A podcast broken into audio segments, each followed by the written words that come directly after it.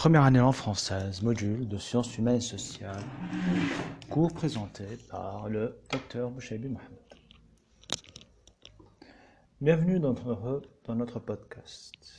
Voilà le cours numéro 3 de notre deuxième semestre. Nous avons vu la sociologie dans le cours précédent. Aujourd'hui, nous nous attarderons sur la psychologie. Euh, Aujourd'hui, on change un peu de format. Ce n'est plus un diaporama, mais un texte. C'est moins interactif, mais il y a euh, plus de données. Dans mon explication, je ne vais pas me contenter de lire. Enfin, je ne vais pas lire énormément. Je vais surtout euh, donner une explication générale du texte pour euh, approfondir certains points et en éclaircir d'autres. D'abord, essayons de définir la psychologie. Euh, étymologiquement, la psychologie vient du grec psyché. Psyché, c'est l'âme. Mais on peut dire aussi, euh, c'est le, masque du théâtre. Ça, c'est quelque chose qui est clair. Euh, la psychologie a toujours été connue, en fait, euh, bien, avant qu'elle soit une science. Hein, ça, il y a toujours eu une réflexion sur les états d'âme, de l'homme, sur comment l'homme pense, comment l'homme réfléchit, comment euh, d'où viennent les sentiments, pourquoi nous sommes pourquoi certaines personnes ont plus tendance à la colère, pourquoi d'autres sont plus émotifs ou d'autres moins moins sensibles. Et il y a énormément en fait euh, autant d'œuvres philosophiques hein, chez Platon et autres que d'œuvres littéraires qui se sont intéressées à la psychologie, bien avant que la psychologie ne soit une science. Et nous avons ici ce qu'on appelle le, roman psychologique. Le roman psychologique est un roman euh, qui ne raconte pas simplement une histoire. L'histoire, ça veut dire, euh, euh, c'est pas juste une simple narration. On va raconter des faits, un tel effet ça. Non, c'est un roman on va se concentrer sur les états d'âme des personnages ou du personnage principal. Euh, de façon plus claire, le roman psychologique ça va se concentrer sur la personne. Comment elle réfléchit, à quoi elle pense, pourquoi elle se met en colère. Euh, on a certains exemples dans la littérature française le plus clair, c'est peut-être Stendhal. Stendhal dans Le Rouge et le Noir, où il euh, évoque euh, les états d'âme d'un certain Julien Sorel. Oui, euh, de, comment le parvenu qui est Julien Sorel arrive à s'initier dans la vie bourgeoise et aristocratique parisienne et comment sa pensée euh, évolue et change selon ses, positions. C'est un, roman, je trouve, exceptionnel à lire. Hein. Euh, on peut aussi évoquer Adolphe de Benjamin Constant, qui est un classique de, ce type de, livre aussi. Pourquoi pas euh, Crime et Châtiment de Dostoïevski, qui est un excellent roman. Dire qu'il est excellent est un euphémisme, qui est un grand classique de la littérature qu'il faut au moins avoir lu trois fois dans sa vie. Voilà. Ça, c'est dit. Euh, Raskolnikov, qui est le héros de, de, de Dostoevsky. Donc ça, c'est juste pour une petite introduction, pour vous expliquer ce que c'est que le roman psychologique. Euh, la, psychologie, c'est quoi? Dans son général, la psychologie est la connaissance empirique ou intuitive des sentiments, des idées, des comportements d'une personne, de manière de penser, de sentir, d'agir, de caractère à un individu ou un groupe. On va expliquer cette définition mot pour mot. Euh, on dit que donc, la psychologie peut être une connaissance empirique. L'empirisme, c'est un mot qu'on retrouve dans les sciences sociales, les sciences sociales et humaines, qui, euh, qui évoque la recherche que la connaissance doit venir du terrain. C'est ça, en fait, le, le, ce que veut dire empirique. Quand euh, moi je veux étudier un phénomène, il doit je dois l'étudier sur le terrain. Je dois l'observer. Ben, par exemple, là, on va observer un comportement. C'est pas quelque chose que je vais lire dans les livres, c'est pas quelque chose que je vais euh, imaginer ou penser, non, ça doit être du comportement. Quelque chose, quelque chose qu'on peut observer, voilà, empirique, qui vient du terrain, du Jim Maidan. Euh, ou intuitive. Intuitive veut dire qu'il vient de l'intuition.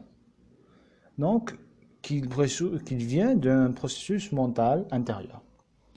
Donc, empirique ou intuitif des sentiments, des idées, des comportements, ça c'est très important, d'une personne ou des manières de penser, de sentir et d'agir caractérisent un individu et un groupe. Donc, une manière de penser, comment il pense, comment il réfléchit, de sentir, parce que nous ne sentons pas tous de la même manière, certains sont plus sensibles que d'autres, comme je le disais tout à l'heure, et d'agir, qu'est-ce qui fait que nous agissons, que nous faisons quelque chose D'un individu ou d'un groupe Oui, parce que la psychologie, on peut parler de psychologie d'individu ou de la psychologie de groupe. Euh, donc, euh, première école ou théorie qu'on va voir dans la psychologie, c'est la psychanalyse. Euh, la psychanalyse, tahlil nafsi, est une technique psychanalytique. Donc, c'est pas une théorie, c'est une technique développée par Sigmund Freud, qui se base sur l'étiologie traumatique de l'hystérie, et qui utilise la talking cure, le fait de parler, pour euh, guérir un patient dit malade ou comme il disait à l'époque, hystérique. On va expliquer ça euh, plus euh, simplement. Ça veut dire quoi l'étiologie traumatique de l'hystérie? L'hystérie, ça veut dire, il veut dire par là maladie mentale. L'étiologie, ça veut dire l'origine. Traumatique, donc un traumatisme. Que toute maladie mentale, psychique, qu'on trouve chez un patient, trouve son origine dans un traumatisme qui est arrivé pendant l'enfance. Ça, c'est la théorie euh, de, euh, de Freud, plutôt de Joseph Brauer. Non, attends, plutôt, non, non, Freud, Freud. Ou bien Charcot. Non, non, ça, ça c'est la théorie de Charcot. Voilà, c'est Charcot qui dit ça. Et, euh, et on va essayer de guérir ça. Comment on guérit? On va utiliser ce qu'il appelle la cure cathartique. Bien sûr, développée aussi par Charcot. Cathartique, ça vient de catharsis. Catharsis, c'est un mot qu'on a déjà vu dans la poétique d'Aristote. Vous rappelez qu'on dit que l'art avait une fonction de une fonction cathartique. C'est quoi cathartique? C'est quelque chose qui, avec laquelle on fait sortir quelque chose qui est à l'intérieur de nous.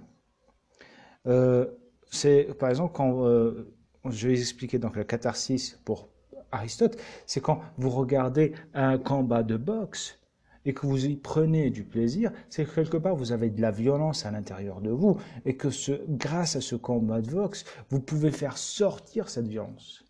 Vous n'êtes pas quelqu'un de violent, mais cette violence, vous la faites sortir grâce à ça. Et ça, c'est ce qu'ils appellent la catharsis. Voilà, donc. Et la cure cathartique, c'est quoi?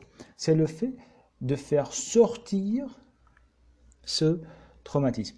Donc, on a dit que la maladie vient d'un traumatisme. Ce traumatisme, il est refoulé, caché, on ne s'en souvient plus.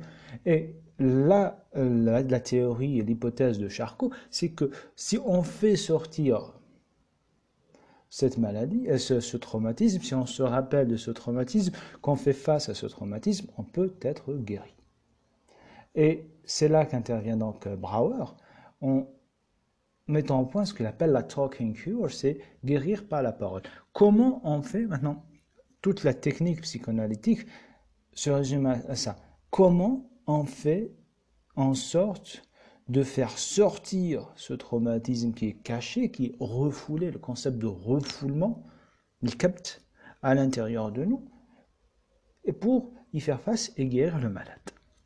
On va revenir donc euh, à, ce, à cette méthode de cure. La première, c'est la talking cure, le fait de parler, faire parler autant que possible l'interlocuteur, le patient.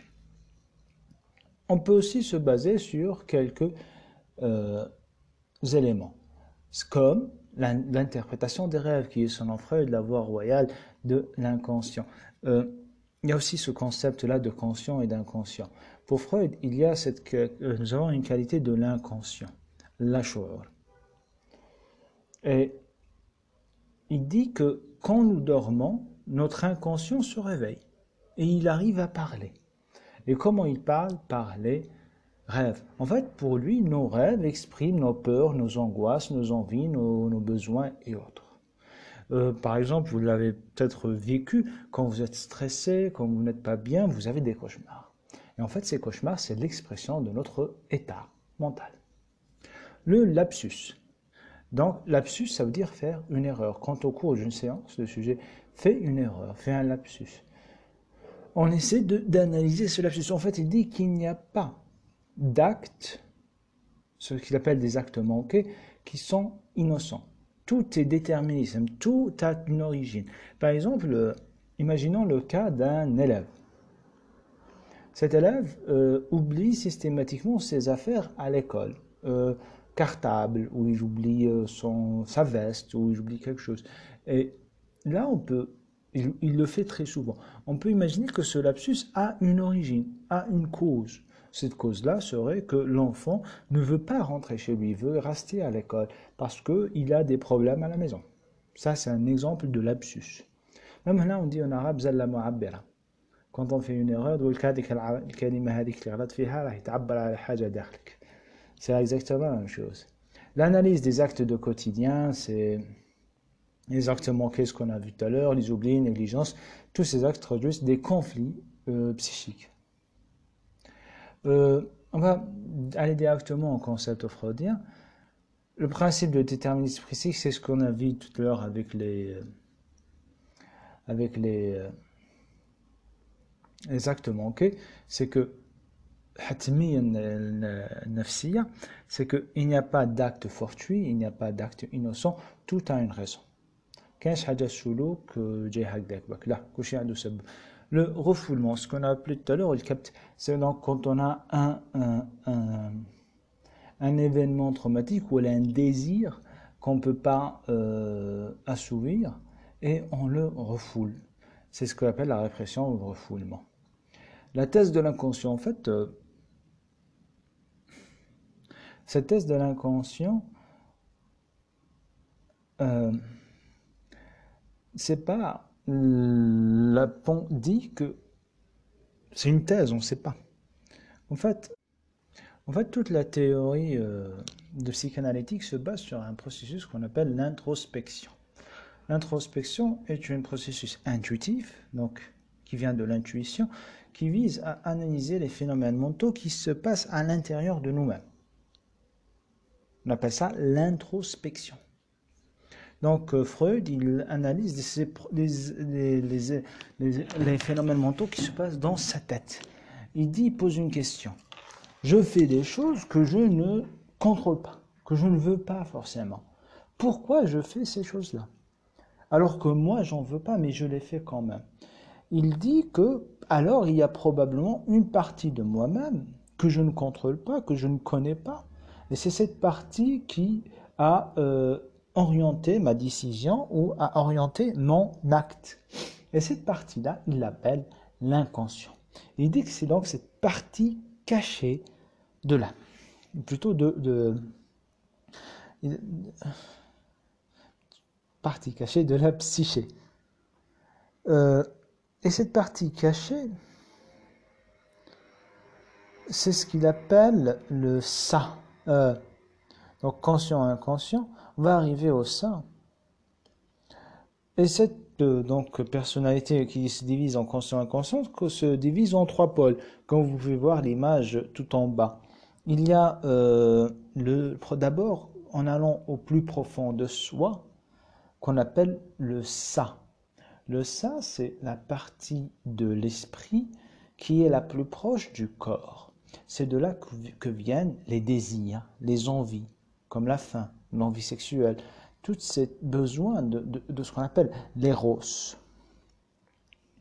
De l'autre, l'éros, ça veut dire la vie, l'envie, tout ça. Euh, il y a tout ça, euh, euh, le ça est inconscient. Il y a une autre partie qui est le surmoi. Le surmoi, c'est tout ce qu'on a appris, les règles, les normes, tout ce qui fait qu'on peut vivre en société. Et ce surmoi, une, une partie, on est visible, qui est dans, le, dans la conscience. Pourquoi cette partie est visible? On nous sent conscient, par exemple, quand on suit une règle. Voilà, je connais, voilà la règle, je la connais et je la suis de façon consciente. Mais il y a des règles que, que l'on apprend tellement jeune et qui sont tellement inscrites à l'intérieur de nous qu'on suit inconsciemment. Et ces règles-là, pour nous, sont naturelles. Par exemple, la division des tâches dans la société, le rôle de la femme, ou bien le rôle de l'homme. Toutes ces tâches-là qui sont qu'on apprend depuis la jeunesse. On apprend par exemple aux garçons à être euh, téméraire, à être courageux, à aller de l'avant, à sortir, à jouer, alors qu'on apprend à la fille d'être timide et à ne pas euh, lever la voix. Tout ça, ce sont des règles qu'on apprend très jeune et qui euh, qu'on suit sans en être conscient. Et, même nous disons que c'est naturel. Et pour finir, le moi. Le moi, c'est la personnalité. Ce que tu vois de toi-même. C'est le, le toi-même que tu montres aux autres et que tu vois toi-même. Euh, deuxième théorie, c'est le behaviorisme ou comportementalisme. Euh, le behaviorisme commence avec une expérience euh, de... Euh,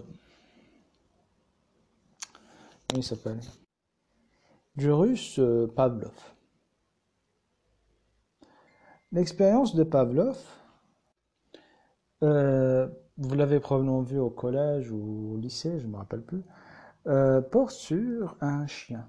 Peut-on acquérir un comportement en fait لا تشفعوا تجربة المعاكس الشرطي المكتسب if you remember it euh, donc l'expérience de Pavlov se passe euh, comme tel il prend un chien et euh, chaque fois qu'il lui donne de la nourriture, il fait sonner une cloche. Il faut savoir que chez les mammifères, nous avons un réflexe. Dès qu'on pense à la nourriture, dès qu'on a l'habitude de la nourriture, nous salivons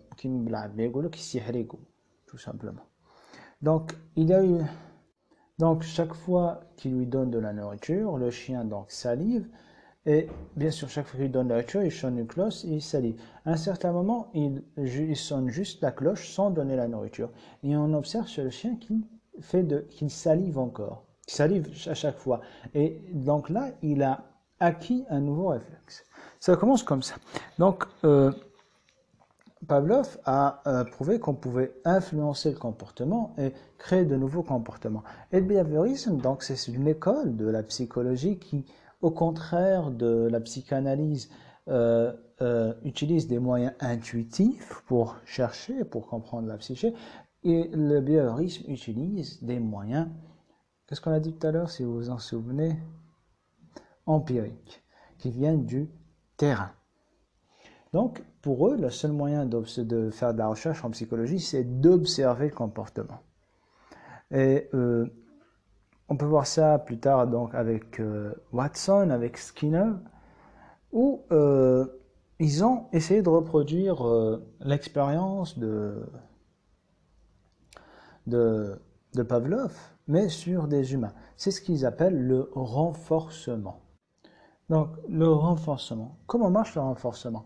Imaginons euh, qu'on prenne euh, un enfant dans une école, qu'on veut changer son comportement. On va utiliser un renforcement euh, positif. Chaque fois qu'il fait quelque chose de bien, nous lui donnons une récompense. Chaque fois qu'il fait quelque chose de mal, nous lui donnons une punition. Et on va voir que petit à petit, l'enfant va se diriger vers le comportement que l'on veut. Euh, je vais vous donner un exemple très simple de renforcement dans l'éducation. euh, j'ai fait des cours de français, j'ai donné des cours de français, et euh, les élèves faisaient l'erreur de parler arabe. À un certain moment, je leur ai dit, on arrête de parler arabe, on ne parle que français. Mais eux parlaient arabe de façon incontrôlée. Ils disaient, à l'arabe, on n'a pas réfléchi. J'aurais ramené une petite idée. Je suis allé dans une librairie, j'ai ramené des élastiques, je, leur ai donné donc les élastiques et je leur ai demandé de les mettre à leur poignet. Et à chaque fois qu'ils parlaient arabe, ils devaient euh, tirer l'élastique et se, frapper avec. Et le but, c'est pas de punir, hein, bien entendu, mais plutôt de faire un renforcement, d'associer le fait de parler arabe avec la douleur. Et c'est donc un renforcement négatif, et qui a pour but, et ça a plus ou moins bien marché en fait les élèves ont petit à petit arrêté de parler arabe en classe et sont mis obligatoirement à parler français. Et ça, c'est un exemple de renforcement. En fait, c'est tout ce qu'on va voir euh, dans euh, la psychologie. Déjà, ça fait 20 minutes. Euh, J'essaie de ne pas être trop long avec vous parce que je sais que les examens sont pas loin et que nous sommes déjà très en retard. Essayez aussi de voir ces éléments, de lire le texte. Il y a plein d'éléments très intéressants. Vous avez des questions, vous me les posez par mail euh, ou sinon sur Moodle, parce que vous pouvez me contacter sur Moodle. Merci, à la prochaine.